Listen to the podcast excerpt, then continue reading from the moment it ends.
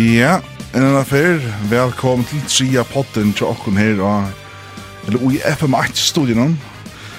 Sier skal bare veien til dere velkommen og sende okken en SMS-spurning, eller fyrspurning av 55 Nudjafhems, Nudjafhems, om til nu lusta live av FM8 i kveld, til 3. november, klokka 8. Uh, så skal vi nok røyna svære spurningen så godt som kunne. uh, som senast, en sjøt ombering til et som lusta FM8, så færer vi at hosa sera først engst, om du vil kalle det på den måten.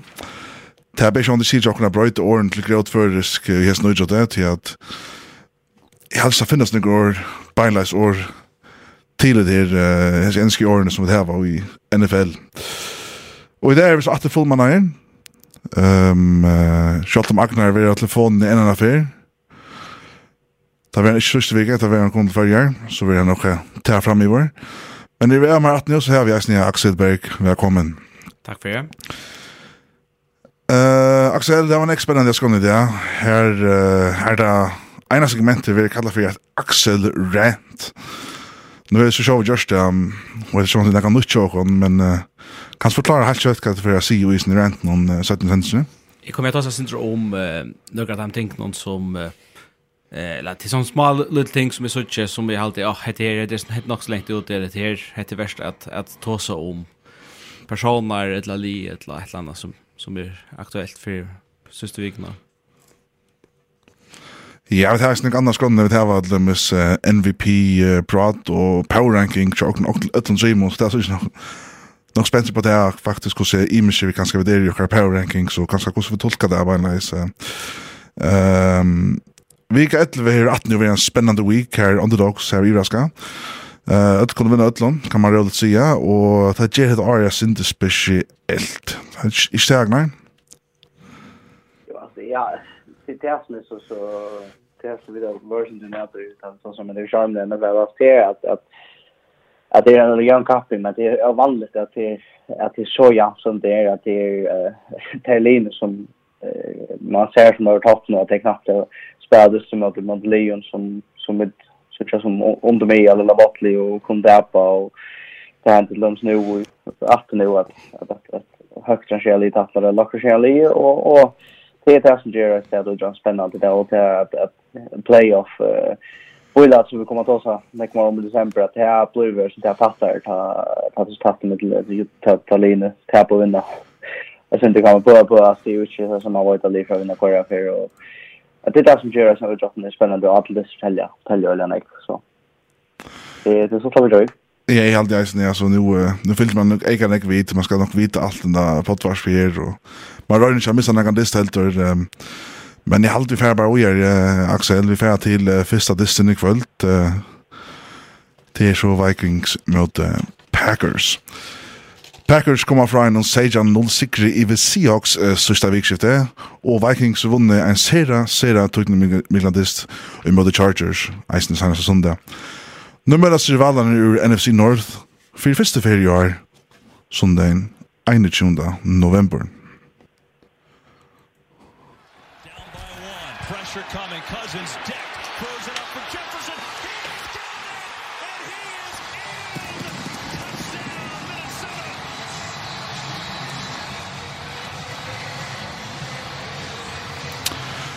Aaron Rodgers hørte vi at uh, Kjelka ståra dagen til Vikings efter at Vikings Vikings var framfyrir det og ju ta 6 minuter efter 3 quarter. Han leidde Packers leje vi en explosiv comeback til 31 vi 31 ta 2 minutter og 11 sekund for extra klokken i fourth quarter.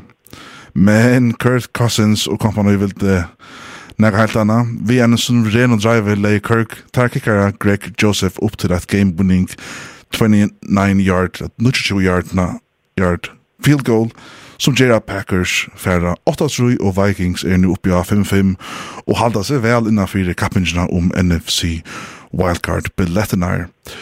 Onker spurte seg på en største om Vikings og tar playoff-møllager uh, nu kanskje sin latta svær på det her uh, Axel, altså Vikings playoffs i år. Jag säger just vilket att det här vantar jag faktiskt. Det här har haft en öjligande tjejliga början på Arre. Det har tappt emot någon öjliga gån lia. Det har tappat hatt emot Bengals och Aja vid andra dist mot Cardinals vik 2. Här där bränner field, alltså ett field goal på en chans att fjärd meter som man gärna ska skåra på. Annars så tappar mot Browns och Ravens och i Ivetuine. Hava ett öde kjelta mot Cowboys vi vi Cooper Rush här. Men det heter hade lucka heter playoff lead där tappat mot det. Och det tycker jag ska förklara att för man tappade sig. Fem testen där man kunde spekulera sig på är det färre eller kvärt. Char Vikings men vinner sista veckan mot Chargers som är gottlig och kommer ut i snurrdessen hon här och man ser ordentligt att Tyre skulle ha en av dessen. Tyre lätt jag säga. Det kommer ut och där kastar eh bara neck i början där Kirk Cousins över 100 yards bara här första quarter. Eh tar lite 68 16 tror och sätta lucka som tonan för distan härifrån. Ja, alltså this Nick Marcia för Vikings and för nog Packers Packers som är långt fram så tar konferens eh Agnar eh där division men ja. Division och så och såga. Packers där där så just där Det kommer så sagt in this in, Agnar. Ja, alltså på han då sen om om det är så stod det var vägen till faktiskt sig alla track åt så stod det mot det mot the Chiefs så sälja och man ser också där så några steg men har hade sina problem när jag sen Joey Tampa och Vikings och Och ganska man är vassa ganska för en tatt just där sälja till där i Minneapolis och Vikings och Packers spelar eller också tatt tatt av det så sälja här. Så men nej jag hade att att ta tag ta tag för lunch just jag visste så vara snävera att vara för tungt för Packers och det som alltså det är så intressant här sånt här så kanske gå det ska jag touchen med jämna men det ska ganska ganska förtulja på bollen och så Packers så att att Vikings har tror jag komma och så vart de på field goal och för klart så Justin Jefferson alltså det är haft det en surrender receiver som som Vikings har finns så han han är 104 yards och två touchdowns och Jag är faktiskt av storlig i lyssnum och uh, ja, vi tar sig en marknad först. Jag hade jag heter ju en early statement with section att uh, att har ju at least som man absolut ska räkna vis med att playoff in nu är det röstna. Eh innanför kan man säga att de har satt sig till lötna så. Men eh jag har helt just det så ikna. Det är tar. Det är David Cook som kommer att resa från Skia som har varit en dyster för Vikings. Och han säger att ni heter ut, han ger dem en nekva möjlighet framåt och och bara han säger alltså han sa høtten han är där så, så ger det en nekma plus till Justin Jefferson som dømes, som kanske inte är så gøy här her när der man koker ikke vi. Eh, Axel? Ja, ja, helt sikkert. ehm tar, tar här var fantastiska spelare i all oppnå, va Så den Justin Jefferson, han är han vill han støttna, ta givst ikke ju Adam Thielen, Øyla gå vart sjuar i eisen i rätt här och Dalvin Cook är en av de best running backs i NFL, utan Niva. Men så hade jag Kirk Cousins i största ros för ända distan. Ja. Han spelar en framurgående halt i jag. Han hever 341 yards, kastar han og 3 touchdowns, og er jo førdamen i nøyre vøtlen tverrferner her beint, og i fjorda kvarter. Uh, det skal så sies at han var øyelig heldig å slippe stav igjen. Han kastar egentlig en, en interception her, og at det siste drive som receiveren så miss, la, cornerback til Packers misser bøltene. Och han är ju kastet som han hade Adam Thielen mot ändan dess någon. hei cornerback venstre vi er så hei han åtta nya haft en en interception og kanskje en som får atlan vägen efter det. Men han hade det hade han god dist til honom og han har ju varit ordla god gör. Så er alt Ja. Det är bra sant tror Men de där som väl att att Packers skorar ett skorar touchdown 1-1. Det är 3-1.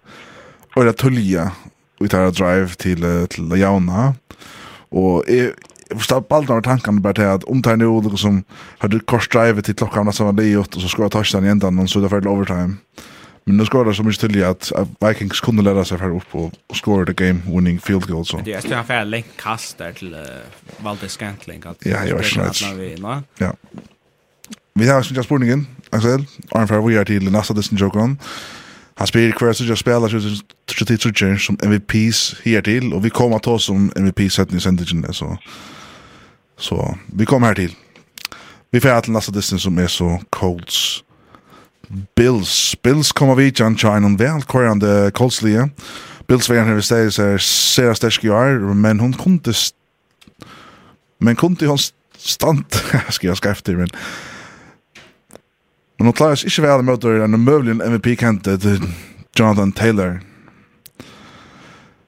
Vi får höra brotter just nu.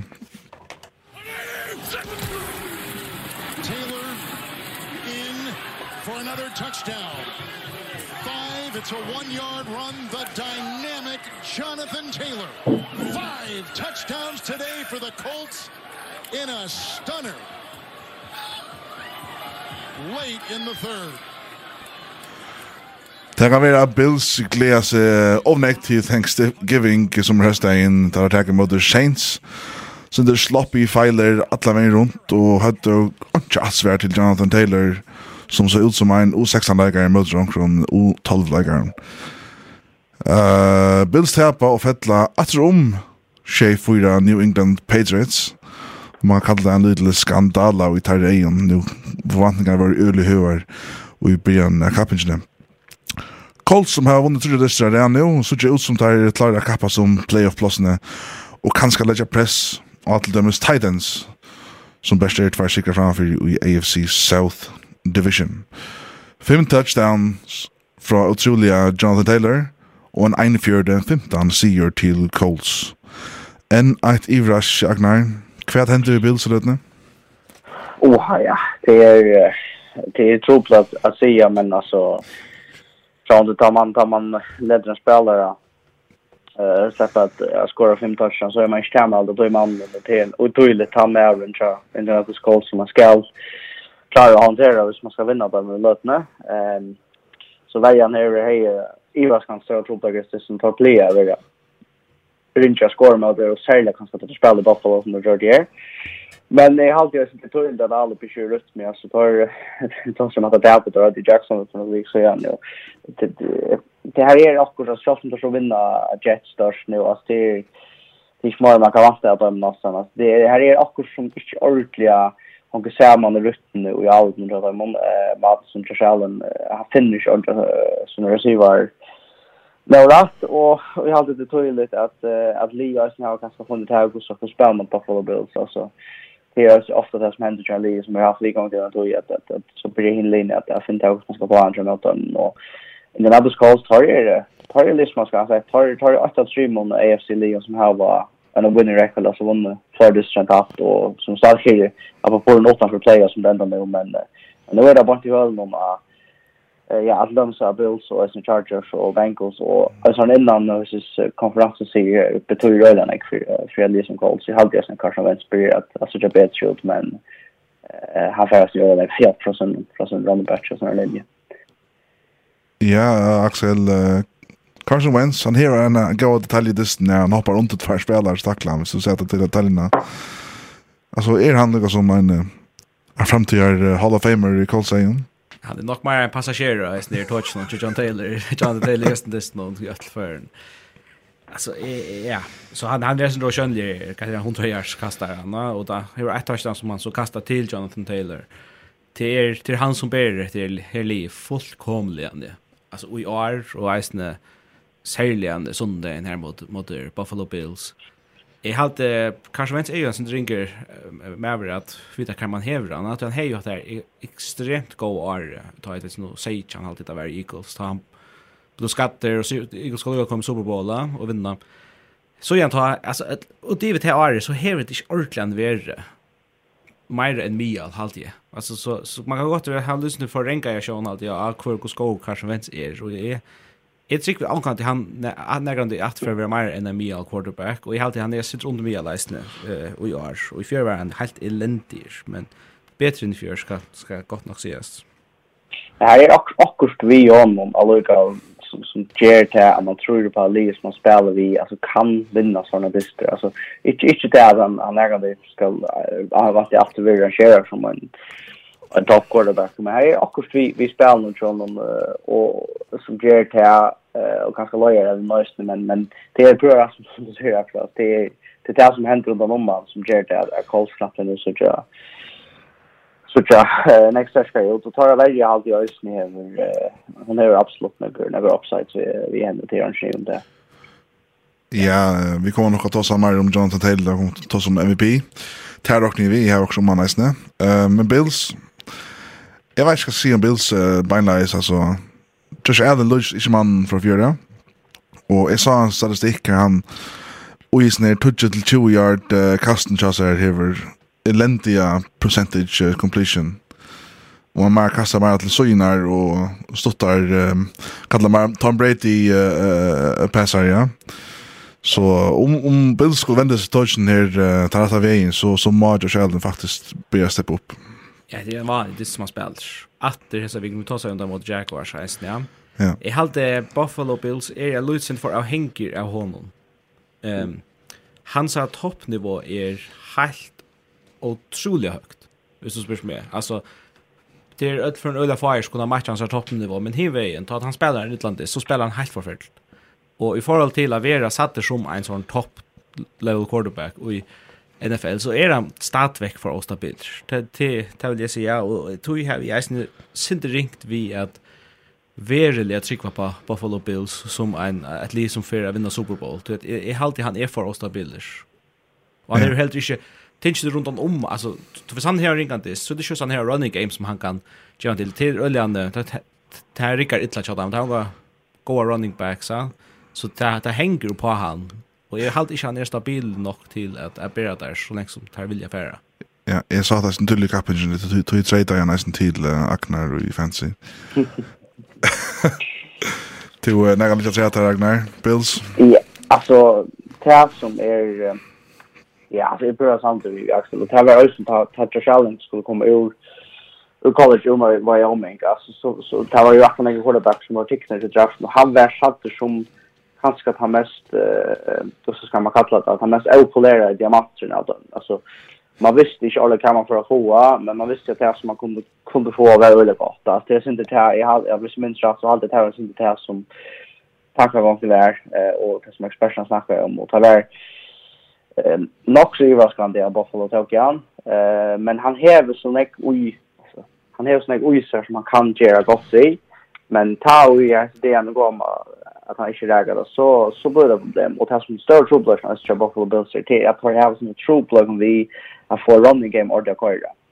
Som hickar ett stitch som där alltså Josh Allen är nästan han spelar som är rummet för flest yards till till Buffalo Bills alltså han är väl han är hitcher så är han Fimmut, uh, altså 45 yards under Devin Singletary. Devin Singletary er i rommet 414 yards yard och bara bare 2 touchdowns så alltså det är inte tror jag så tar running game är nog sån Josh Allen Ois ja och ja.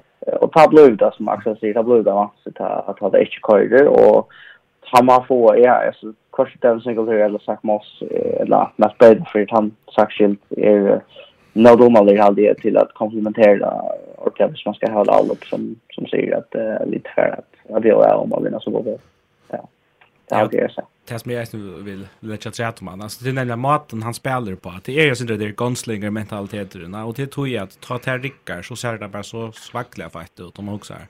Heter är, heter det ordentligt att MVP quarterback. Men, men han har resten tendens till att vi är inte för, för laser och dunnar och bärdast. Kasta Jenna Gwana. Det vi snär distan någon som har hickat avancerat. Så det kan ta han fem plays som man kallar för turnover worthy. Ja, så så han borde egentligen haft fem fem turnovers i sin distan. Det är ju helt eländigt där och hickar du efter så är han så här dist for dist for dist det sista två tre åren så häver det Ver öliga svinkande og nek var såna här såna här dyster som som är snär skalt om vi där så er helt fantastiskt dyster. Ja, eh, men det er vel noe som får der uh, brøtt på sin ting nu uh, Are en Thanksgiving turkey chamber vetlen uh, höstagen. Uh, vi færer til Lasse Desten, og til er så Chiefs Cowboys. Game of the Week blir jeg sundag kvöld uh, 21-25. Cowboys fører til uh, Kansas City attack mot Chiefs, som har vært i Super Bowl-finalene senaste tvei årene.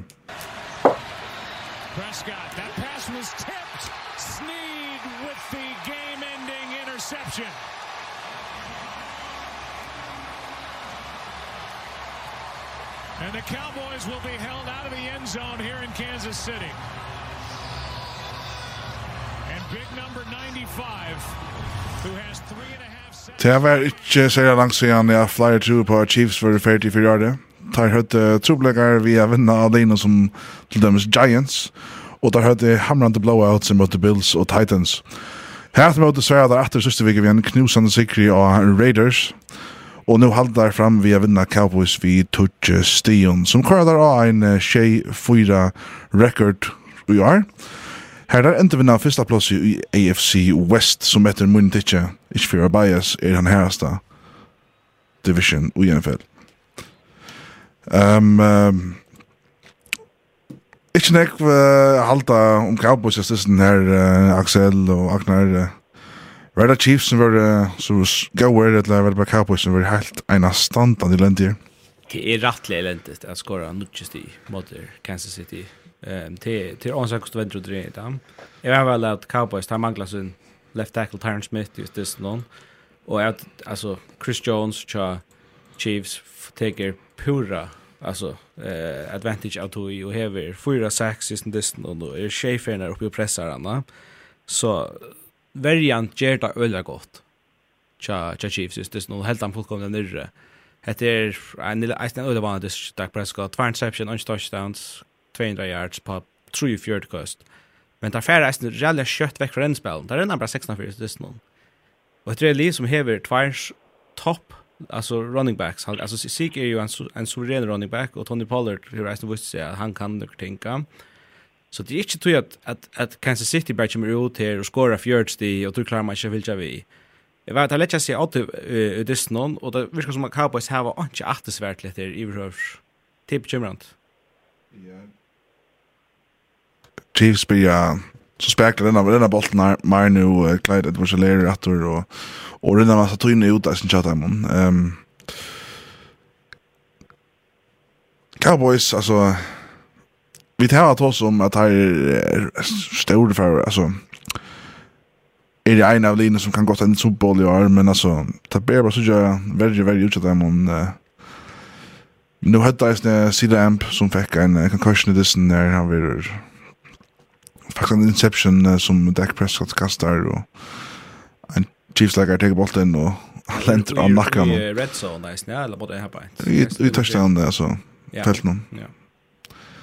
Sid Lamp, han er ju viktig spelare som för ut her, men uh, Og Mark Cooper er snudd i det som mener, ja. Eisen han er covid, og så taver ikke nek våpne han er etter å spille på Dak Prescott. Men det er det med tøysig, hvor renner du så ikke mer, ja? Ta meg ta meg test det är det mysterium här på en halv igen.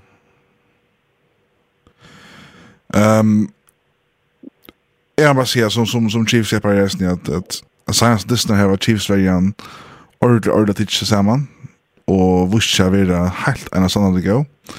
Så det var mot Packers glemmes og i sista veckan mot mot Raiders og altså Etter en Chiefs variant som man ikke ser og som Science två årene, nu. der har vi vært Super Bowl två år där. Alltså tog det alltid varje alla som har Edgers Disney som oftast att han skorar fjärde stig från Disney nästan och nu är det bara värjan som tjackar till karaktärer och Mahomes och och och, och kompani i albumen tar sig inte i pass bästa. Nu får det så en go by week här kunna ordna tingene Man kan argumentera att det är kanske stöka momenten om momenten om så där man tar hon för det så där. Men uh, jeg har alltid eisende funnet å få en pausen nu, og kanskje Mahomes kan få altså, en luttla ski av Jordan, og, og takk om de årene noen ting her, her jo alle. Uh, Agnar? Ja, ja, og akkurat det som du sier, altså, jeg holder noe utført når Andy Reid er øyelig størst i den som er, altså, utfinner mellom Bajvik, altså, som du sier til han er vel lukket som finner hukte på andre ting, og så ser man vi som koordinator og sånt, og det är kanske akkurat det här som går in i Arne att, att det handlar om det var som du nämnde Bills. Alltså man kan inte bara bliva så armtalent eller fötterna kan en quarterback alltså som som skulle jag göra på skottligger ehm och det här vi inte kicka charges på samma sätt som tar väl det gå i Sørst, sørst, sørst omfør etter, men uh, altså, alle tre etter hva jeg tar, men uh, men hesser blev det nog så på uh, på man för neutralisera Cowboys och man då var stora spel med all måttan där man exploderar är det ska vara det är väl in för att skora om det cirka som ganska Packers och Vikings eller för lite om Jets och väl in men men det är bäst spel på andra mat och tar väl film och så Chiefs och Dawsh och tar här finns ju vettigt igång nu och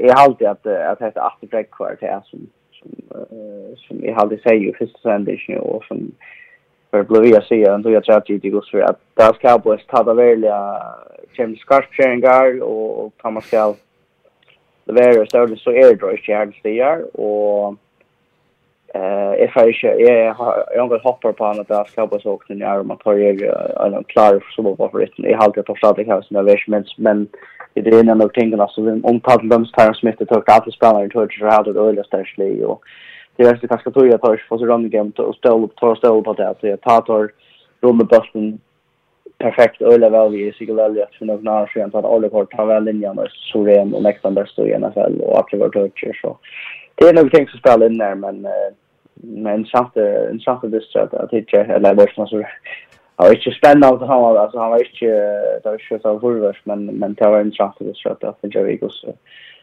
eh kus always han var spalten mot det kan man säga Ja, man kan se det att Kvar för man kommer in så där som man säger att det är 14 14 för Cowboys att att där har tendens till att att att liksom choka listen till det här att att att blöver som ser stor distance där. Man visste ju framåt någonting. heter var en statement dist at time on. Eh, jag hade helt inte att Mike McCarthy är en coach som är har vill haft, vi ser vad Cowboys skeppar och skulle första till i för Neckver eh Jocknen Kappengar hade vi sån där. Han har haft det var clock management. Jag inte synd det ända den whole inte någon ikke du kommer sånn jeg kunne ha men det är också så avhørt som säger vi Patrick Mahomes och Agnar til at Du har sjálf, han spiller ikke en god dyster. Han hever, han ikke touchdowns. Nei, og en interception, 20 trush yards, kastar han fire. Men ta vinna lukka vel, og ta man kan vinna på flere, og man vinner siste vike vi her, han bara er super goer, Mahomes, Jeg er ham, altså. Og så vinner man lukka vel her på en, og tio til en styrke til en lije, at man kan vinna på flere måter. Og verjan tar vi så til for tvær vik så gjerne. Ta seg, det her och inte har varit här alltså sövliga vanliga alltså och nu har det vänt sig fram vi vet vad vanliga klaver en av de allra bästa det sista viknar Sean är vant för lägga sig i mitten här ett men det är ett öliga öliga gott tag chat time on vis vis tar varje chamber och bara är meal go så och det här var spelare det här Chris Jones och ehm Tyron Matthew, Flyer Air, go shot här på ett. Eh, visst här kan vara kompetent. Så vita vi att alloppe ta fer upp och köra. Ta ta är en sniv ju tog. Nu som sagt. Det är intressant att det samma inte för att att att vad händer det för var var något lag chucken så att för jag så knappliga så så så vart så rush då så som upp och så att det är lite lite handlar på en person om så så och Christiansen han är som är Sjölén i så han hamnar nämligen den större orsaken till till att le till till att ta par trafik svensk gång kan man se ta ut ja så det är elite som störst skulle vi så att skulle komma en Super Bowl så nöjd Sverige när vi är starka i januari eller augusti så störst att eh att det inte bara skorar kvar för det här bollen. Ja, jeg synes vi med Holmes jeg synes at han han er han lejer det öliga väl. Han han han finner ofta det rett å gjøre, men Det eiste visen er at nu får liksom Clyde Edwards Alaire ett rushing touchdown og så gjør det Wildcat vi Kelsey her han nice för rushing touchdown og det er ikke några end end sånn passes tja med Holmes hvis this er det er mer at här att han from home har et lead og han gjør ikke några risky play i behöver han han skjuter man jag føler som han har lastet nu, han blir eldre og eldre, altså, hvis jeg hukte at du timer så igjen, uh, tar jeg vunnet Super Bowl da, og, og i disten her er spalt det, altså, tar fram för vi vi vi 15 stion och Luca var så gärna ser svackliga elvingar ner till han hade sig alltså han han, han följde sig Luca som invincible nu han ska komma här ner gör nu och och klarar det vara vi att kasta alltså yard touchdown till Tark Hill så den upp alltså Och i allt bara är flott och och, visar hur hur snägg han tittar fram home shower alltså han pure shout bäst tölne. Han också bara man vinna nu alltså. Om man har till isen så interception is this and there. Jag skrev en statistik ner i resten, ja. Ta kastar han bak till Kelsey, alltså. Ja. Och bollen springer av honom till en cowboy-spelare. Um, Mahomes kastar sex interceptions i år. Och har haft 45% chance of being completed. Ödlet hans interceptions. Det vill säga att det er ikke akkurat han som er skilten i Inceptions, og jeg skilder ikke hvor regelen er der til at at jeg tar ikke uh, skal ofta bolt noen og fer mittelhendene til noen, og så teker en, en, en møtlegger bolten til Inception, altså, så burde det ikke tatt som Inception til Tark Hill eller Kelsey, altså, ja? Ja, det må du kaste bare fram til å si, så det er ganske østen tog jeg til å irritere. Ja, men det är men det är interceptions i år. Och det som säger nämligen att sex alltså alltså han häver ett Men bara yeah. sex av dem borde kan eller han har sex kost som liksom är värd av era interceptions. Ja, det är som du säger. Det är rättliga stormon då. Ja. Nej, det hade det är nog så det är inte alltid som när som quarterback är stöd. Det är alltså vi tycker det är bara att se chief med här och sånt. Morgon häst men alltså det är för ofta att att receiver och tight ends Jag tar sen slash loft och bassen alltså att jag tar och och akkurat där där där öle och uppe alltså han kastar alltså han kastar en också eller rätt mot rotan för det men eh men kanske det är bara. Ja, är ser att det var satt av 11 interceptions som är över 55 chans för att bli kompletta. Det är dubbelt så nära som några andra quarterback. Att det skulle säga. Men eh Men Chiefs Cowboys, Nujjan, Nujje og Chiefs og Jules som tar i det. Super Bowl contenders attoren. Det er nok alle samtidig. Uh, vi har akkurat neste segment, nu får jeg fra distance under, så har vi uh, akkurat nytt her til uh, Thanksgiving faktisk, Agnar. Yes. Uh, yes, det er... Uh, skal du bare ta oss eller skal jeg spille en Thanksgiving-sang uh, på Tutsi Nei, tvart, korrekt. Det er en Thanksgiving-sang, korrekt. Thanksgiving-sang. Korrekt. Jeg vet ikke, det er en gang spurt du om oss. Hva er det? Ja, jag alltså jag jag har alltid det så stort lite stort lite vecka. Alltså det är en en rätt speciell vecka och i jag kör i USA men också i NFL alltså det kanske det som det ska vi ta känna kanske det första första året som man hickar efter amerikanska filmen eller serien eller det är ändå shower outdoor som det faktiskt egentligen är alltså det är faktiskt en dubbla förklara att jag kunde faktiskt det som shower för en och läsa men alltså Eh, det är vi att eh, ja, man samlar familjerna till en, en man är i afton och till man till som tar lunch kanske synte till afton som vi känner men så man samlar familjen och man är en gång över och så där till börsen jag gav en sort men det är ju till för fira sådana några traditioner och i USA eh och till sjön det typ knutar en examen vi am kanske hoppas det sälja kanske sälja det sista 15 år men man till en tradition som är väl lunch eh och att det är för att det jag kan gå på punkt till punkt och också gott med jag har väl lägga att att features men väl just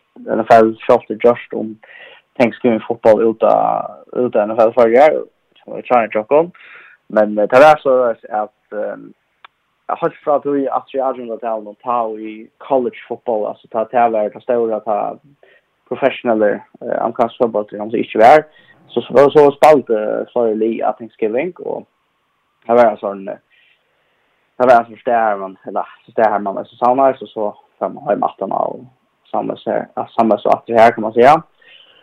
Eh och Traplay så är ju först i NFL den under så det var stora Detroit Lions där börjar i där börjar i så i faktiskt i i Ohio men så blev det flott eh så blev det flott i till Detroit och i fortsatt. Vi åt samma år på samma år fyra men skulle han för skipa fyra att Alliance skulle spela sen distan av Thanksgiving så fortsatt vi det här jag till nästa andra sen sedan tjej för år sedan hade den första Thanksgiving distan officiell alltså ordentligt Thanksgiving det här att Sean Burger och i NFL spalten mot Chicago Bears, det gjorde det siste årene, men så ble det til at det var flere misnøyelser og det, og dette var så lunch da, eneste Thanksgiving-distrin, og så vill gärna väl ha var inte så trätt och ta ska på så lukt i i daltne ta mitt i trusjon og ta i NFL så bjør jeg en ända sakna det nu da som første July som är alltid kick off klockan 12:30 Eastern time det då så till klockan 12:06 Eh om kvalitet har bjöd så han är utan nästa som så kallas spela som uh, 17. dagen og det som er halv touch så ska jag kvalitet så säger det att klubbar så vill jag gärna tacka honom, vill jag gärna tacka. Först där så det är väl så ser först för Thanksgiving så gärna det åtta några helt få undan så det vi spalt i Detroit och i Dallas och så i 2006 så ser man ändå väl så för att nu vet det nu vill jag ha prime time nästan så han det det var alltså bara spolning om toy så vill jag ha en list i bästa showmaster som är ta eh på att att klockan 8 eller där klockan 8 om kanske då så så det att han distrin vill sparka igång på att klockan 8 om första natten och så jag kvar för så så kvar nästa eh det det tänker jag vi ger för till hösten med fyra och i för november så blir väl ofta den sista hösten i november tar vi då så tror jag i alla fall det spalter och det är början på alltså nästa alltså nästa inför som som vi nu får in och så tar vi nästa gott att glädjas till att han som vill göra i NFL Sean det till Chelsea jag kommer ganska till att han sa inte den tredje var största listan eller så. Men eh jag syns att Thanksgiving ska vinna stämning ju och och gå fotboll till tyvärr kan man säga ganska för Jakob som eh då för next så är det Detroit Lions som alltid spelar det är inte alltid det så en intressant men vi får så så jobb det är om det ska bli va eh om det ska bli va spännande är och Jag vet inte om jag kan lägga tjöken, jag kan halvstått bara kvart skrein er ehm fyrir så her eh fyrir hesa listnar handa hastan och det är byrja början på vika 12 og tær er Chicago och Detroit spelar i i Detroit. Han distan för gång klockan halv 6 okkar tøy der så ja det är inte ganska tvåa till tvåa bottlen om og og gärna sig i Ötland NFL men det är en fast bottler och så är det synd det bara spännande det ska på pornon och i så är liksom alla bruk för upprush nu att när det öppnar så då nu Las Vegas Raiders reach out Dallas Cowboys och så där den den största dissen är sen i prime time i USA klockan ja klockan eh 20 för ska då i eh för Jonathan Buffalo Bills reach New Orleans Saints Så ja, jeg var ikke kusert hit, hit uh, her nok jeg jag også, han som skylder, jeg är så bjørlig, så tenker skriving av en til Kakon, og så går de teater och pajs och allt möjligt. Så, så det här är gammalt som en skrivningssändning till höstskål. Det är alltså det, det är stort att, att, att NFL för börja som det ser ut. Ja, ja du, du sender meg, sender meg skånda stikken og yes. ordentlig inspirerer meg til å gjøre også største ja, nice, men uh, jeg skulle spille til til å det er ting skrivning. Er det noe som du gjør flere år, eller? Och så då vi chocko så i klack ja så vi som som är väl lyssnar det så så så så vara så är vi några några klack som som hitcha eller ja man och ta det är som som särskilt Charles Highland det Super Bowl så har just också själv på sjö alltså det är det alltid själv på sjö och en extra samlare eh och men tack har vi rätt oss något det gör tror jag det är som det sort ja. Det var ju det som sån så tar man tar man följer i en NFL så kör man liksom då så känner man ganska kultur och och och och det står till att det ska man sitta här skall då och fylla vi en idrott som man tar med väl så har rätt att har rätt att samman till något med att vi hade vi då prova en för att just och kan komma här så det så det är nog att alla jobb först det jag hoppas att det ska bli bra Jag jag vet inte hur det är mot det att de är sak, men eh vet inte. Vet alt kan det men kokast. Ja, ja. Det är jag tycker att vi det är nog så lite familj som blir plejer så här att som som är ölen ser och det är alltså det som är så viktigt i NFL eller fotboll. Det är ju att det är samma folk och det han sammanblandar som jag tänkte se vad det handlar om och så att det är samma samla familj och samma och samma så år ha han kanske fotboll som så ölen är som ser ju så Vi Men jag var just this nej, jag var just this kommer att jogging gänga över tack och nej, det är chans det kanske bara Buffalo och New Orleans system som är ultra spännande på grund av ganska men eh jag tycker på så spännande liv skulle spela mot. Men eh vi det snack race som jag har så för Jera. Vi delte upp så att det är sant för förra att vi vinner run och så sänder vi med Jean-Peter Franksen för för kunna och så kan han sen för the session så det är sånt så anvaks av er. Man ska vara man ska nästan tossa amerikansk som man kommer allt fullt. Nej tvärt det gör det. Ja, Så kan vi ta en rating och packa golden här kanske till nästa sändning. Jag vet inte. För kvar vi bättre än också det. Men där kommer vi kommer kanske bättre än döma. Ja. Vi kommer ganska bra så lite så här. Det kan vara det andra som som är som Trump säger till chans här så var bolt sagt att det fast alla samlas och ger en på sjö men det ser också som som sitter och och för jury Thanksgiving och kanske göra sin där. Så det borde ju få ändliga kanske att jag får samma där som den gärna för förra till. Ja, det är ju det är ju ofta man lägger det så här skuld. Nej, jag har skuld i november är bara så på sig bara Europa League och till några kanske till quiz sitta och och fylla Georgia vi och och ha så sett och är det väl med. Ja, äntligen. Visst det var och luktande kvar runt i färgen så äntligen ska vinna för mål tror jag.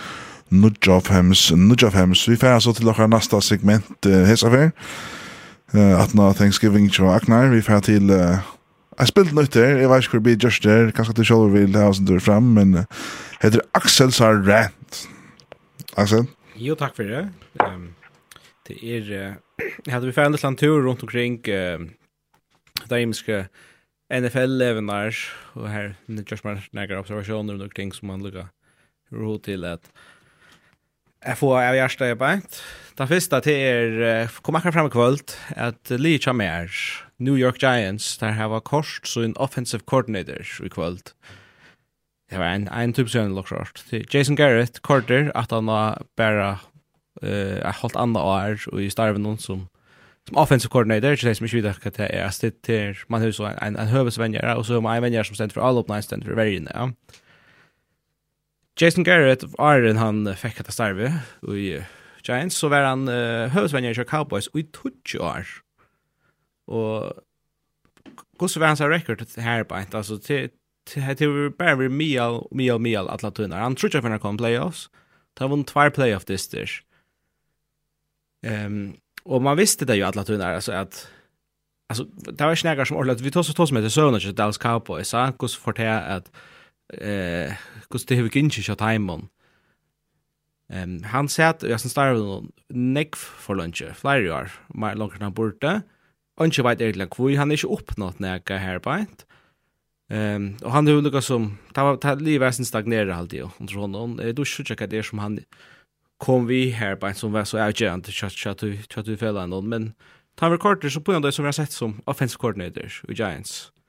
Och li her hur alla på hur mangla kreativitet ofta eh det så sløft ut ehm um, så till reisne alltså till är sin driva en til øyla till det er en offensive coordinator på quarter bit ju är noen. Eh och det som jag vill säga är att jag hoppas vi tar sen något av Jason Garrett nu i i NFL Det i Chili's ordentligt han fick ett till starva i New York. Chili's Cowboys och hvis han skal kvarna gärsten så vi hoppas jag ikke tar vi näka liksom mer damer vel i öllförn. Crowd Dolphins. Ja. Finnas det. Jag vill jeg det så ja. Så Det var nok ikke noe bra ting bort nu men I just think Garrett Taylor och något sånt. Och kicks experiment. Ja. Det er alltid jag snällt.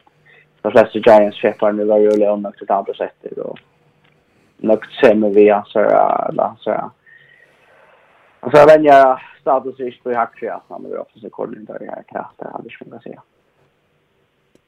Nej, nej, det är på det det så helt säkert. Ja, vi kör en tur över till Detroit. Här var uh, Jared Goff att här stöttna quarterback-klassen och nej då. Han var um, han var ute och han som är simpelthen är backup till Detroit Lions. Han heter Tim Boyle. Ja, jeg har alltid hørt om han før helt det. Så vet du, hver er det?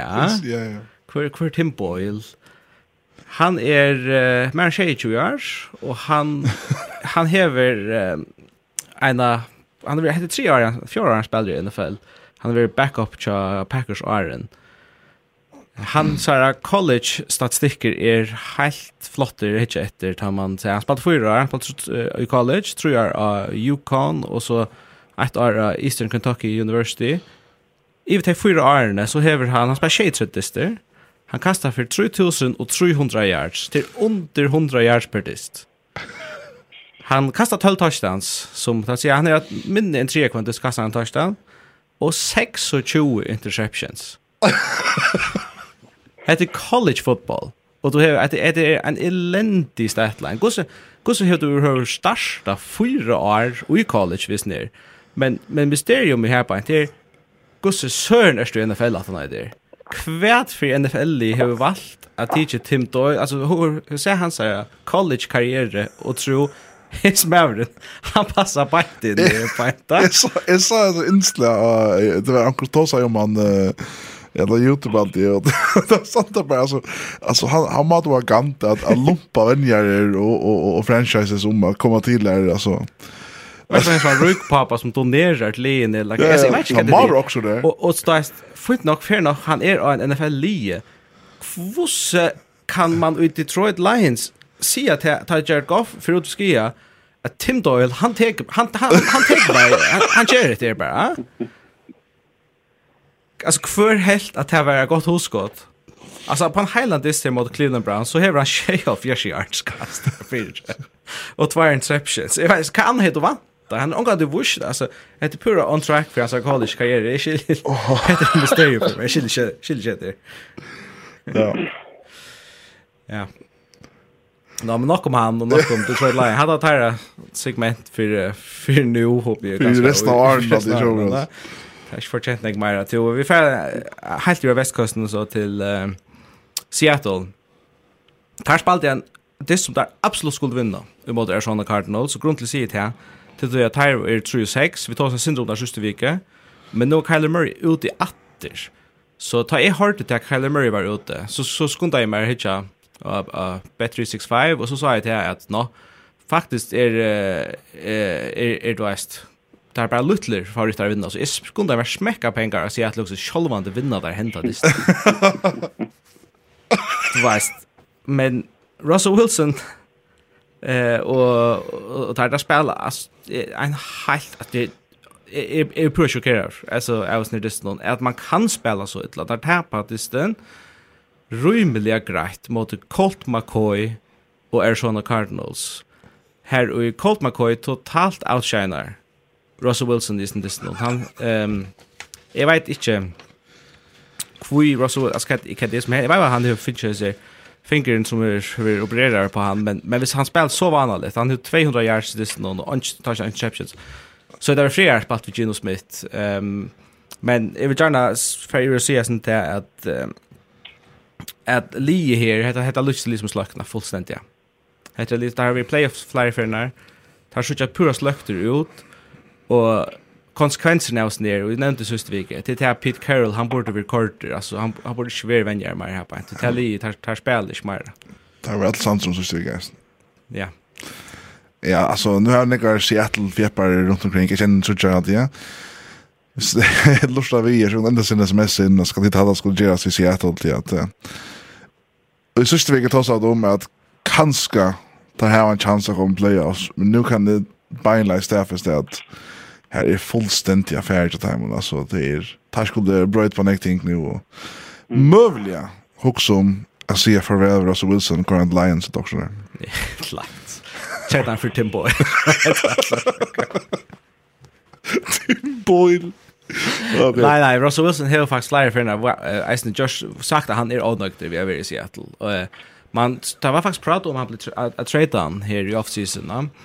Så det, det er ikke, ikke ohugsant han kunne fære. Men eh, nu enda vi lyckas det, det er lilla segment her på uh, sådana för i New Orleans. Så um, tar hava och jar skriva kontrakt vi tar uh, hybrid tight end, tar vi kallar han Taysom Hill, som tar kallar för quarterback.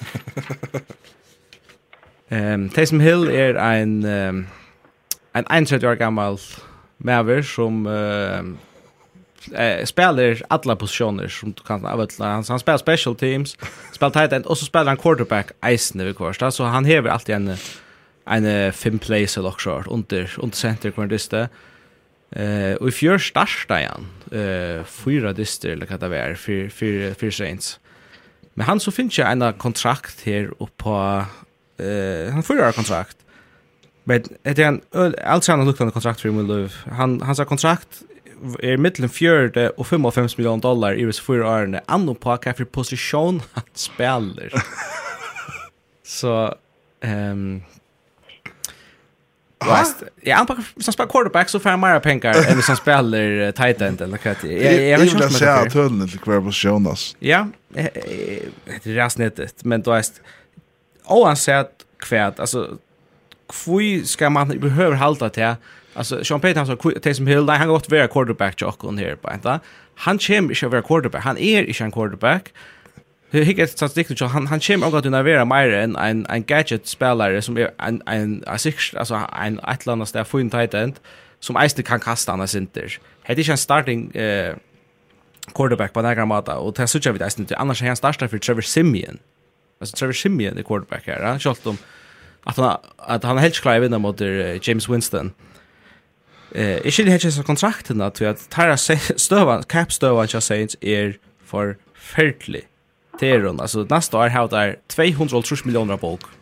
Det här är längt i, att den holdt 30 millioner dollar i långt ja. Jag vet inte hur det är välja att prioritera att ge en 20 millioner til Taysom Hill, Eh vi vån om han kan skaffa vara att vara quarterback för framtiden eller kvärt. Alltså han är en 31, det är känt inte ända för inte. Jag stod det för mer att han kan få fjörde till 5 och 5 miljoner dollar. Ja. Och ett ett ett team salary cap för NFL i år är 102 för. I fyra år. I fyra år. För nästa ja. Jag jag vill jag vill över till oss. Mittel touch och 25 och mer. Okej, vänta. Ja. Det blir sånt klackor. Det som inte helt när market cap till dem. Tack för det. Jag clear det här upp. Alltså är hade bestämt att vi måste göra det att det ta garanter och Ja, det var det gott också. Kanske akkurat kommer någon nice nu och Ja, och det är också intressant att snacka om kontrakter just nu. Att det är den där näka stora kontrakt i NFL sex som för alla lite så och och och jag tänker om som man kan lösa sig upp som en vanlig köpare. Det, det är nog säkert vi kommer sig finna hvis vi får hvis vi får alla lite. Ja. Ja, han har helt bestemt. Uh, det kan enda se fra 500 hvis det vill höra mer av Axel Sarant han han finner låt ting alla så där och Ja, jag har tagit upp när för Tim Boyle när för i en kommun alltså. Alltså jag är inte just. Vi har all MVP watch. Ska vi göra det nu eller ska vi ta power rankings? Ja, eh ta är vet. Ska vi ta MVP prat där? Ja, äntligen. Vi har tagit spårningar som Janne för så tjocka spel så tid så tid så tjocka. Axel La Triple A männer, vi tror ju, som MVPs här till. Vi skulle först ta oss bara Leslie om det här uh, MVP. Jag kan inte det är till. Jag kan börja bara vid första säga att uh, Björn Arnon så kom Derek Henry här och han rambrade att den nya och och i här har jag sett högt till att jag vill gärna sucha någon annan än en quarterback vid en MVP. Till ofta när halvt att här förtjänta. det som senast en non-quarterback vant at det var 2012 da Agent Peterson vann. Så det kapringar han er i dag. Ja, men han iver 2000 Iver 2000 yards, 2004 alt det var. Han var nutje yards fra at uh, slå rekordene for et år, ja. ja. Og han fikk 12-13 touchdowns herom. Hei, det er ikke Jonathan Taylor bare nå, til demes. Han hever 1200 yards, og han er langt over hala touchdowns til Adrian Peterson. Her er 60 rett sjån. Kjedes der. Kan han teka lukka som og faktisk slua det med til Eirin Petersen. Jeg har hans person med. Vi heldur ikke, hvis han klarer det, heldur ikke han er toppkandidat til MVP. Jeg heldur ikke ikke han er akkurat her at typ pace-nabba, så skal han opp i tempo, men... Heldur det? Så kanske Colts vinner nu resten av listan och ända framför Titans så han bultras det. Nej, det tar som att det är rekorderna men ja alltså som vi inte sett Janne, han är ju outjust eh uh, grunden till att att det går så väl som det Jerry Colts så och ta en running back har så slott stats. Och han måste ha sån MVP performances som han har här på. Där man ska liksom ha några MVP moments vill de kalla det. Så så till det upp Men jag läste sin säga så MVP där ja det det är en most valuable player men kvad kan mesh det för är det mest virus med Niklas Lager och Sean Lee. Alltså ett minimum kriterie att Lee ska komma playoffs. Halt det annars är det alltid inte lugga mycket det som du görs men ta för nästan alltid till en som spelar inte bara liksom matchen playoffs men en time topp sida i ligan och isen ja. Ja.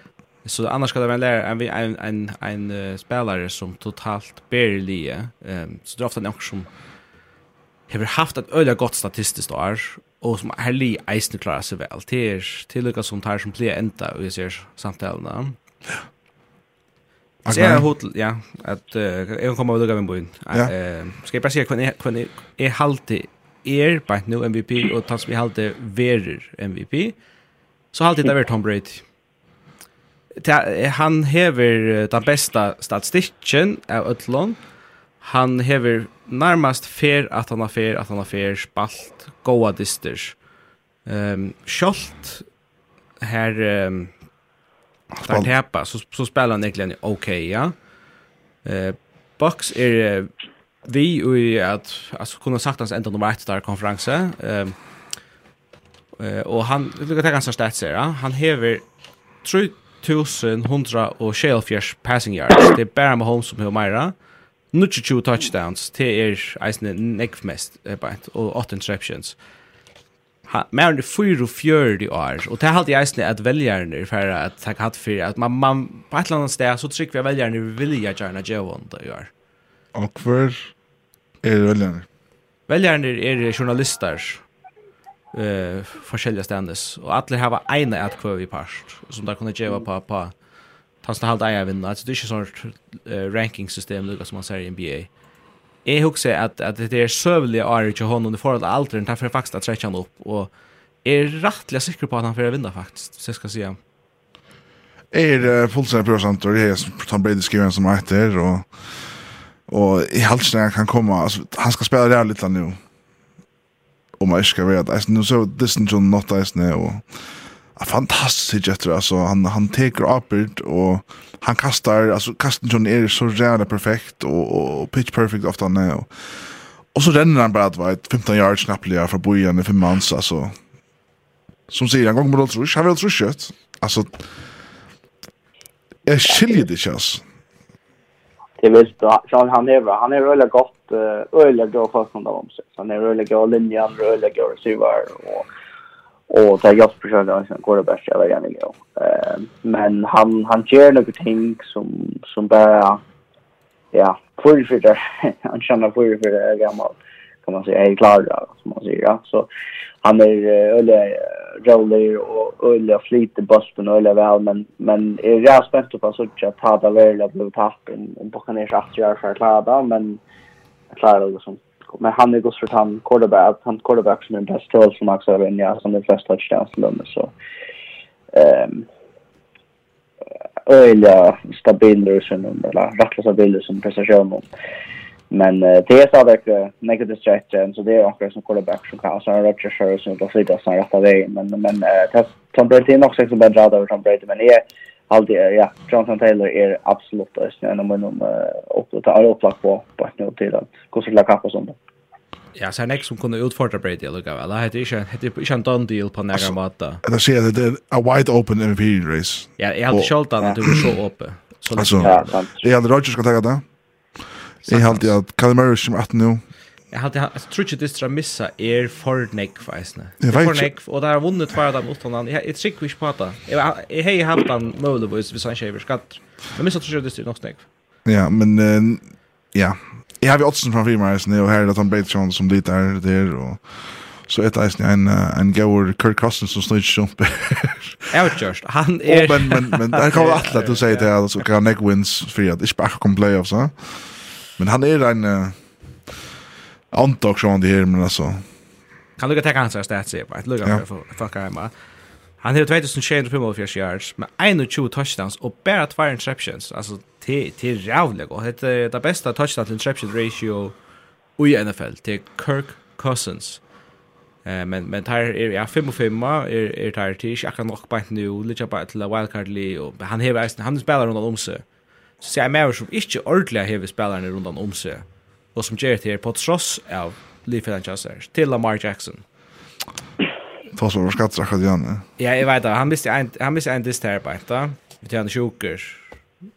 Men uh, han reisende ved å gå Till han og Ravens er en jeg tror kanskje mest sannolikt at Ravens enda vid nummer 1 sidan i AFC.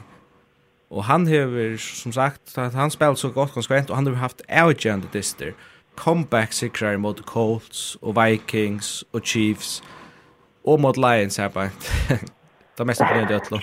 Ja. Jeg vil faktisk si han kanskje muligvis han mest sannlykke at utfordret Brady. Så du, du vil sagt at uh, Tom Brady nummer 1, Lam Jackson nummer 2? Ja. Hvor er så, altså, akkurat samtidig, nei? Jag jag har faktiskt Lamar alltså orka så långt upp men han är han är runt för 600 yards och som Axel Axel så han är tre så li eh kan man säga att det är näkna av det och och han är ju en top receiver alltså han är så han han är alltså Lucas som kommer kan argumentera för Cousins är mål så så är han nästan där men alltså det är sälja alltså Brady quarterback mot nu och man kan motsa Rodgers kanske för att komma på ett touchpoint men uh, Eh och så där Jonathan Taylor att chat och så har vi rent ihop det sen direkt som det är några världspelare så det var ju inte tid här och tid här när det flack på att se till allt alldeles som direkt att Sean till Sean Dix i rotten interceptions som är visst. Alltså men men men det man men ja. Det vi vet att att han nog känns att en världspelare för en MVP och så så. Nej, det är långt. Avverkat distan luckan det kvalt. Det är skuld. Nej. Nej, akkurat. Det som, uh, jag kan säga att Lamar Jackson topp 3 i Jamaica, bara för hans rushing yards, alltså. Och här var nästan Shane rushing yards är pura vilt, alltså, för en quarterback. Till, uh, kvar så tre blåsningar där, uh, Axel? Till Aaron Rodgers. Aaron Rodgers. Ja. Jag vill faktiskt säga att uh, jag försöker outsider till Patrick Mahomes att komma efter att Jared. Det var en interception vi tog så här om att han är bäst. Han är 11 över men Det är Ola Ver han sa skilt och vis Chiefs tar er bara nu främst divisionen chans här. Vis tar kom upp och blir nummer 1 i konferensen. Så är det slett ju eh och och också att han tog det en en affär. Ja. Det blir men men, men som sagt alltså Men stadväck favoriten är Tom Brady, som nu er. Taldje, ja. Grej favorit. Takk, nei jag vill märka att han är riktig, men jag hoppas verkligen att man har spelat inte på att som Jonathan Taylor gör låten om han får som fortsätter att det är Alltså han är han är grovt främst och running back och yards han är grovt främst i touchdowns och och ber alltså flott att kallas vi till att vara ett liv som eh, väl kan kappa. Han skorar touchdown på en döst och är rörliga, stabila och Så men uh, men ju att det är på den kan man bara så så är komplett för rich där. Det är alltid att vi vi kommer att säga. Till ja. Så färd vi till några nutcha segment eh nutcha nutcha men alltså det är det sista veckan. Power rankings chock nutlon. Nu tar vi lucka till MVP vad jag har. Arn färd vi är till det så har vi ett onkan Seahawks fan som är skriven. Han sier her, nu tar seg om til dem, sier også til en Axel Rant i Janne, Og Och det bare si at de bare kan se det er samtidigt samtidig ner men uh, Tøyma Gleiser kjøper Carol er hun gjort. Alt, alt for konservativt og som Axel sier, Lee er slackna. Wilson manglar en ordentlig O-line. En top 5 quarterback kan ikke være en top 5 quarterback om man ikke får tog i at heva bolten. Ja, og det som eisen er ved Pete Carroll, det er at han hever uh, redan nek for å si ut her personal uh, det sier, altså hva er det for uh, spillere der teka, så han hever sindri i GM-rollene eisene. Alltså rätt. Så han är faktiskt apert alltså Eka står apert ut av gångsutlat och han är nog snäcka se hur kanske spelar är Lino. Och tar ofta linje över i Lent ju Neckvar. Ja. Agnar. Samma som du. Ja, precis sant. Alltså Russell Wilson är ju långt gånger för Lund och snack och det är eh väldigt alltså det som ser också som Brandeis i bakom oss att tar om så bara bolt här är sin väg igen och Bobby Wagner är den här och igår och alltså Jamal Adams jag kommer att han långt gå goal men alltså det är lätt att vi Seahawks var inne till intensiteten som som man är ta Schalt om jag hade lia ofta spalt uh, Morin Trattar och så Wilson har det oss ut. Men uh, till förnäck vi så tror jag så Wilson hade ju emot att han langa hållit oss ut och jag sånt han mycket rätt att man över till vuxna som man är över uh, sälja åtta skönor i Metcalf-låtet. Så Nej, här är det från ett som som inte chansar man med någon till och och förtäll det vem jag är nu och ett eller annat alltid, ett eller annat eller pass där nu och det är kanske. Vi får vi er til till power rankings.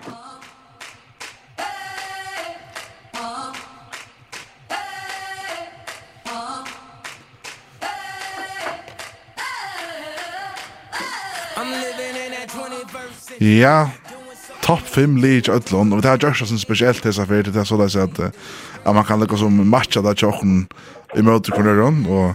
Vi vet ikke hva hver hver skriva her. Ja, det er altså, vi vet ikke hva hver skriva, så man kan ganske være sånn heit, heit debatt om alt mulig her nå i kveld. Uh, vi ser så nummer, uh, nummer 5 tjokken først, og så, men løtla gunnje, vi ikke er det for landje, og så får vi er med å få i det, så vi er 2-1, og Tid er velkommen vi her ved Avies nere tjatsen nere 5.000 rundt av høms om det er samtidig i Moinon Arnar Axel eller Aknasa lista.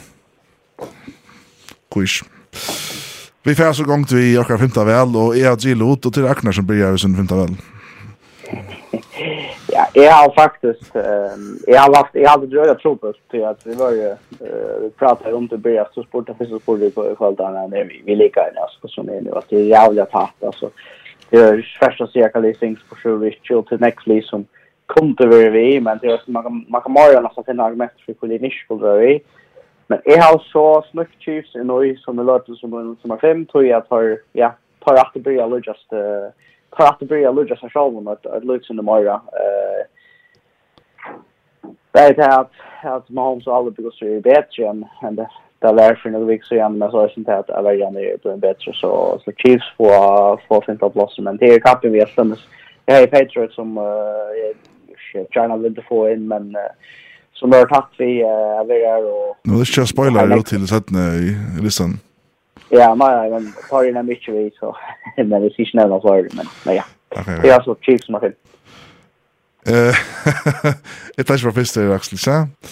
Eh, min nummer 5 nu ska jag köra en lång förklaring men jag har dömt det på faktiskt eh alltså station bank nu och eller kanske nästa omfärd så kanske vi 12 station vill jag se sjora och då har vi så sagt eh nummer 5 Tampa Bay Buccaneers. Og til er uh, Timer 5 beinleis etter tapen mot Saints og Washington senast. Det er simpelthen grunngjøring. Sjolten min veit at her uh, tar færre nok enda øyla, øyla langt inn i kappen junior, og jeg var ikke styrkjens der men uh, tar her han tatt ut større, og jeg skjedd så i som jeg vanlig i eisen. Men en topp 5 kjødder er lokal? Jeg kjødder topp 5, ja. Jeg kan si jeg setning for liv for i år. Ja. Yeah. Muttli av femta plåse till er, ska jag säga, det här var rätt likt att göra faktiskt. Det här är ju inte en perfekt li på några mat. Det är sånt som plättar och så här, så spår kvar kvar renast att lugga väl. Ehm, men uh, mitt fem nummer fem till Dallas Cowboys. Hade tær, ja, jag vet det, hade tær. Ja. Åh. Hetta, nu vi är spända på kvar hin fyra vidare. Alltså Cowboys er nummer 5. Cowboys. Ja. Ja. Alltså nu nu nu legend det som skiltarna stod där inne som men Ja, fem lier. Och jag har två honorable mentions, och åtta at I'm the Cowboys. Men vi är Men alltså Cowboys hava... Her hava spalt väl. Det hava der. Her sånn her, distern motor Broncos er øyeliga kjeilir, ta der ta ta tapa greit her, og til da står bletter. Jeg tapa sånn her mot Kansas City, Det är inte kom vi är Arrowhead men det kanske matar tappa på är som jailer. Men det här var snack skier. Som är också viktigt ska man säga.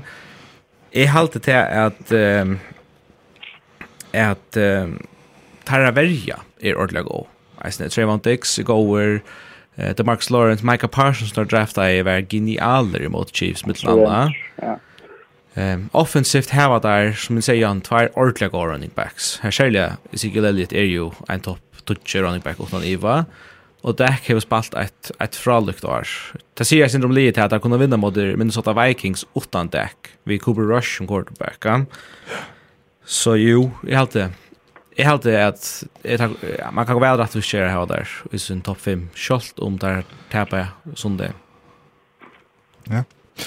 Ja, og så får vi til uh, nummer 4, og nu så han det tar ett fram, og så blir jeg og så Axel så Agnar, ikke så nice? Ok. For det. Nummer 4 her, her har vi er just, LA Rams. Og Rams går nu fra en bye week, og tar det 100% ikke sammen og klarer å toppe atter. Eist etter nå finnes det ikke leikere, ikke leikere inn, som du vann vinner i verden og OBJ. Og så halte jag att uh, att här är klarare att ta alla stormar i NFL. Det Till öl optimistiskt alltid. Altså at han var för att göra mot där kan på stöd du är. Ja kom. Kanske inte mena ett vart alltså. Ja, jag har alltså jag har släckt Rams start på mig på. Det var alltså där här var det var så rävliga chill i distri alltså där så science vi där så där. Science vi jeg si nekka som er gott fra Rams. Det vil jeg si er i vike 3 til å vinne mot et boks. Altså, jo, da vinner mot, uh, tapper mot Cardinals, Seahawks, uh, vinner mot Giants, Tirsnaga, Rebao, og Lions og Texans. Tapper mot Titans, mega eh vanlig distra spel här och en elendig distra spel mot för Niners för tossa en board för studien ju någon här på inte. Jo man kan gott diskutera lige chatta i mot har han gått en roster eller ikke, men men Steam chat han är imponerad. Nej. Så får jag till uh, Axel när får det. Giants. Nej, det är uh, till Kansas City Chiefs. Ehm um, tar er kom der upp här på Ancha mer nu tog jag med landet som säger det här Bergen hon hon kom kvar väl så tajmon. Jag har fullt allt att ta all upp att här kom att dra på. Det är till det bästa alibi i NFL alltså den bästa det ja vi Patrick Mahomes Travis Kelce Tyreek Hill ehm um, Jo, det har tappt fyra dyster, det har det, men det har öll mot Leon som är uh, playoff li, alltså Ravens, Chargers, Bills och Titans. Så det kan jag väl tolerera i förhåll till det att jag alltid til att det är rymliga störstjers annars. Och hvis jeg skal si et liv som jeg halvt for enda nummer ett i konferansen, så er det, nei, den til Ravens og Janne, men kanskje Chiefs er absolutt, jeg har beint å Hick då bookmakern tror det faktiskt favoritter ryttare vinner sån konferens häst. Ja. Så det farligaste i UFC är Chiefs. Yes, samt där. Agne. Man får jag. Jag vant jag sen. Ja, jag vant jag så ska jag vara hacka så ta en några skrända men but nu att nå tar på jobbna så har det ju kött och det är ju helt men ja nummer EU är väl två lej men det är också Baltimore Ravens som har fyra. Alltid att eh ta att tar tar färra så till Chicago utan Lamar Jackson och alltså tell alltså Huntley är inte en talentlig är några wow spelare och men uh, Lee Markner att jag vinner det stund och och så jag bärs jag alltså att det är en hög som så alltså han har störst med så lite och inte man snäger sig att leva ut det här. Men eh tar vinna besten och Uddevalla och komma upp alltså. Ja, tar det där. Det ser ut som att, att Chicago för att testa ut det men tar tar McNair gott drive och skora och vinna besten och i allt i att att det var ju så att det största med ända besten som Max som ju har tar komma upp han från några som just och vunnit då har vunnit där. Och det var ju så det största och Lamar Jackson har några ting som ja är running backar då ända där men men han inte packar samma mata och Och Lee tja John har klitcher så här på jag det alltså sett upp eh basen och till basen av vart nummer att för sett nu och har är det inte där till att jag kommer färra en full player från shot om i i stick på för alla vägen så så är det liksom som jag aldrig har röjma i på timmarna bara nu till att ja för finna mat av en ofta och har rörs sig själv oss när tävlar med Miami som som man känner att så vad tar Lamar Jackson han kommer natten så vidare som att att rätt och fast det. Så färd nummer 3 Axel. Det är resten. Det är Baltimore Ravens som är som det nummer 3. Jag just kanske ser så rädd redan jag om där bara till att alltså som sägs inte för Lamar är i absolut MVP form Och det här vinner på flera imska matar Baltimore är rejält imponerande att kunna vinna. Ehm mot alltså vi kan jag minns konkret att skjuta en back quarterback. Cooper Rush. Nej, eh backup of Ravens. Og til Ravens. Huntley. Ja, ja, ja. Men det var det var flott och det var just det att det hade det hade fallit ehm eh absolut så bra kandidat. Ja. Eh så da, Axel Samadri. Axel Agnar, ursäkta. Ja, jag är väl så talig som jag om också, men jag skulle ha tagit där. Det är som är lite kort så bakom ner från det nu är det sån att det vi kan bryta över alltså runt om sig och fabrika i shoulder alltså det är det så komplett lite jag actually komplett men har ju det starkt och har tagit jag så både snart som ute var inne som eh som vi har väl så gott men hade väl kanske att ta tar så bara för här var och för jag sa det kan Tony Brown ute och ta för resterskar vi hon master och jag tycker att detta bakom är sly för att jag kommer eller längt jag tror här var kvaliteter. Man ser ju bara mellan Boston och och eh US så jag har då har tack men jag hade väl kan prata som bara haft kört här jag för att jag kanske skulle hållt upp den men jag tror det är som för att för jag kappa som kommer så på boll och igen nu då. En en NFC som är är väl nästan toppen. Ja, Eh så til uh, trenger mer, og her har vi ikke kjører bias, med Kansas Chiefs. Og uh, det har vi sånn det tar man på det så det, og tar til seg akkurat, altså Verjan fikk Cowboys, at løy just uh, Miami Dolphins, vi finnes Patrick Rotta. Uh, men men seriøst, så, så, så kjøres som alle med etter at den er bye week, så, så råkner vi det å unstoppable, tror jeg. Til min mening. Så får vi till uh, nummer 2, Agnar. Ja, eh alltså i Georgia där Lutzen så vad säger jag då? Eh nej, jag ska se det nu. Jag ser det om allt. Men Green Bay Packers nummer match har er uh, nästa sit och i eh och i NFC och tar er uh, bort nu något annat största sali i NFL. Eh Vikings uh, spelar en grön dyst med dem och, och kappar dem. Eh, men Packers, Adams, uh, Sir Johnson efter och samma värja så är det vägar. Så går som någon som kan vara några snedest någon sorts så så där det sen liksom. Ja, jag tycker det tar för ända här var som att bli att att ända i en match championship och och mycket här så så i divisional playoffs så det går så. Ja, Roger Shepard han är bäst att det är så Jeg er 24 år til men jeg er der som er tvei. Och jag er inte noen annen, jeg tror at jeg alltid bare tar det tar er rätt väl väl samman sitt liv. Nu har vi lagt sig av covid sen senast nej men nu tar det att komma stäsch rätt rakt in vid faktiskt i vilket håll av att var det stäsch så tog det där med två. Ja, det är snä som var två. Jag kan då att det samt där. Ja, very en shot diamond nu faktiskt eisen very go you are and topp touch very av så så i beskund statistikon eh abendel kom på det. Eh, det här var en dålig gång syra i mot mot Cardinals att affära eh här och 49ers, Bengals. Ehm det här kvar väl rennes spel jag störst. Aaron Rodgers är en MVP kandidat åter i år. Spurningen er bara här playoff time är ska man vänta mer än conference championship eller inte. Just det. Han blir helt alltså så han är inte han blir i rakt vi men. Ah ja, så vi får att match och nåt ska bara se det sen eller. Jeg har Cardinals här. Ja, jag snä. Ja. Ja. Och jag är inte lugg av. Jag kan börja bara säga att nu till det big 12 va och tar vi undan till att Kyle Murray med att nu ganska tio på isen ja och att här klarar vinna vi Travis McCoy och alltså Det är en goa det för Janne med Travis McCoy, eh, alltså han är som Nick Foles i Super Bowl 2, tror jag, så. Så, alltså helt otroligt, han kan, han, han kan klara sig väl, eh, ta en, faktiskt är det utskift här, så han är så stora skjuten som Kyle Murray. Och, ja, och vilket lin där vinner mot resten. Ja, jag vet väl. Titans, Vikings, Rams, 49ers, åttan uh, Murray och, och Browns.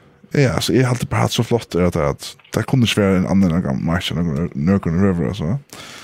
Ja, så vinner jag utvart nu man ser som jag går någon som där på som är igen. Sen grisen men jag vill gå till att se också utvart den det känns rivaler som är i starkast uppstäng för ju inte och där quarterbacken och så så vattnet i vägen så trackar sig kort spel till och så och kommer kvar spel och kontrollera och väl. Och eh och ta vinna och i San Francisco ta för eh ja, bara till två mig så jag nu här det så de så att Rams är klara eller nu eh utan man San Francisco alltså. Eh och nej alltså stort att ta det talis med så här var eh vunnit flest i NFL så det är slöja dem rätt och men två kan då skier alltså. Eh det är ju vart för ut Murray Hopkins ut det kan vara att vi får för duschar men länge låt dem åt att att det inte är en franchise som är några vinnare runt klassen i över så Ja. Men eh jag stod till att att jag tror han ser Cliff Kingsbury alltid sen kom den lika med vurst att han han är nog nog vi är med som där ja. Tror han ser det.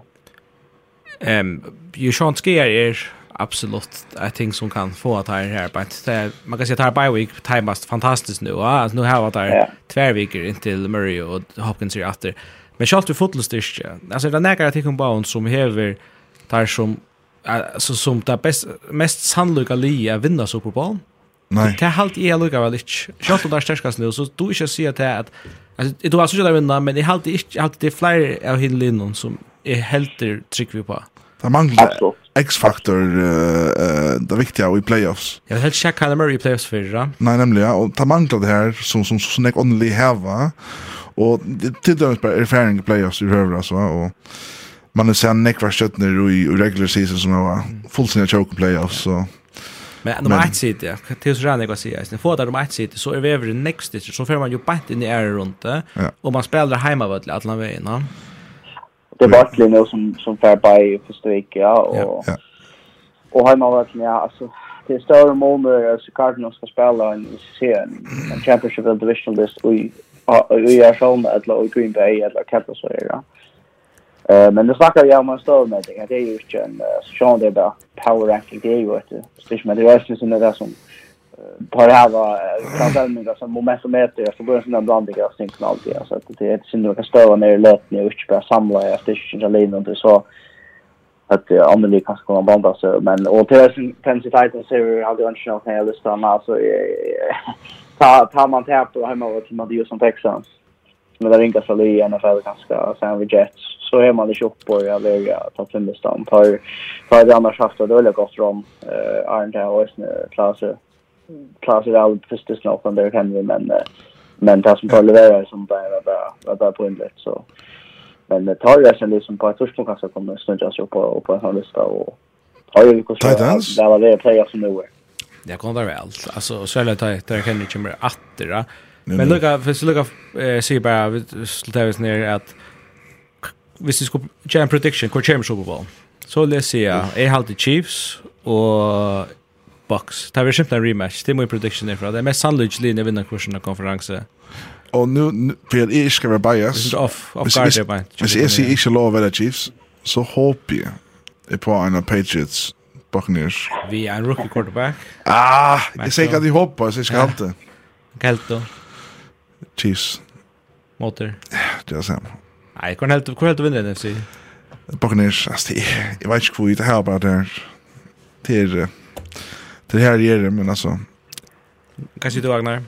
Ja, alltså jag har lösen ner kan ersa samla sig alla bästa li i NFC, men jag såg ju flera Super Bowl-kandidater i NFC i NFC, så jag har aldrig just dit att det flesta är samtidigt som vet om NFL. Men alltså jag har bokat ner samla sig, jag finner att jag men är ganska hoppiga lösen, det ganska öppna ösa vatten nästan att Green Bay Packers kanske häst för färdiga det. Men eh alltså jag skulle tippa det så är det vi bara kan säkert och och så Victor Svinga liksom i mitten. Faktiskt med bara nu mitten Ravens och Chiefs eh och kanske Titans så händer ju som ratter ja i AFC. Så skulle jag pojka allt kanske så där kanske det mest upplagt och lätt att se Chiefs och som har haft en nid för för Men det är också vi vi Ravens som måste ge till okej alltså.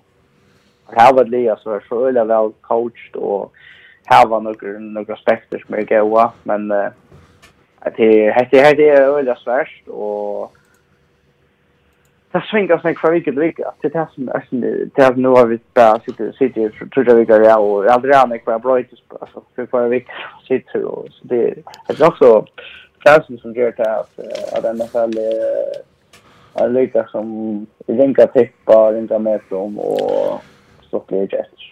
Ja. Det er på Hatt nok det, ja. Jeg prøver ikke fra mot Ravens, ikke topp 5 i røver. Det er slik løy, ja. Det er løy, ja. Jeg er alltid til... Men ok, ja. Jeg har nok jo forklaring til jeg ikke tog til disse affæren, så jeg må gjerne bedre enn Asfer. Men det er valgt simpelthen week 12, og her det er en i hva med at Lamar som rattor, Ja, och det, men det är ju sånt där vi har alltså Lamar Jackson kan väl spela i play och vilket och och det sen gör det här kvärt här var kvärt här var Rams så att hänga sin hatt på som det tar det kan inte kasta det alltså så det står det kommer ränna också där men det är ju så annat det liksom är med Dolphins framåtskrift alltså quiz ska vinna listan mot Bengals og mot Dolphins. Ja. og det er det som brenner mig yeah. i hur allt tiden. Det så båda snar. Det här som er, liksom nok tog jeg det är så som det. er. Ja.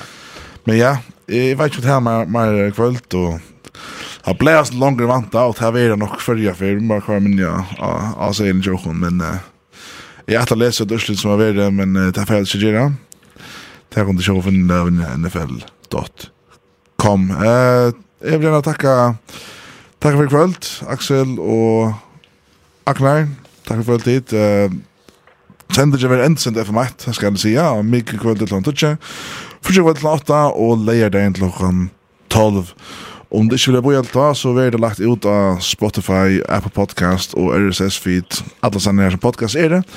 Vi morgen til ja, og her kan du se om du finner det som tighter NFL Fantasy Pod Varsp. Takk for i kveld, og vi suttjast, eller høyrast. NFL Førjar Pod Varsp. NFL Førjar Pod Varsp. Høyrast etter neste vike.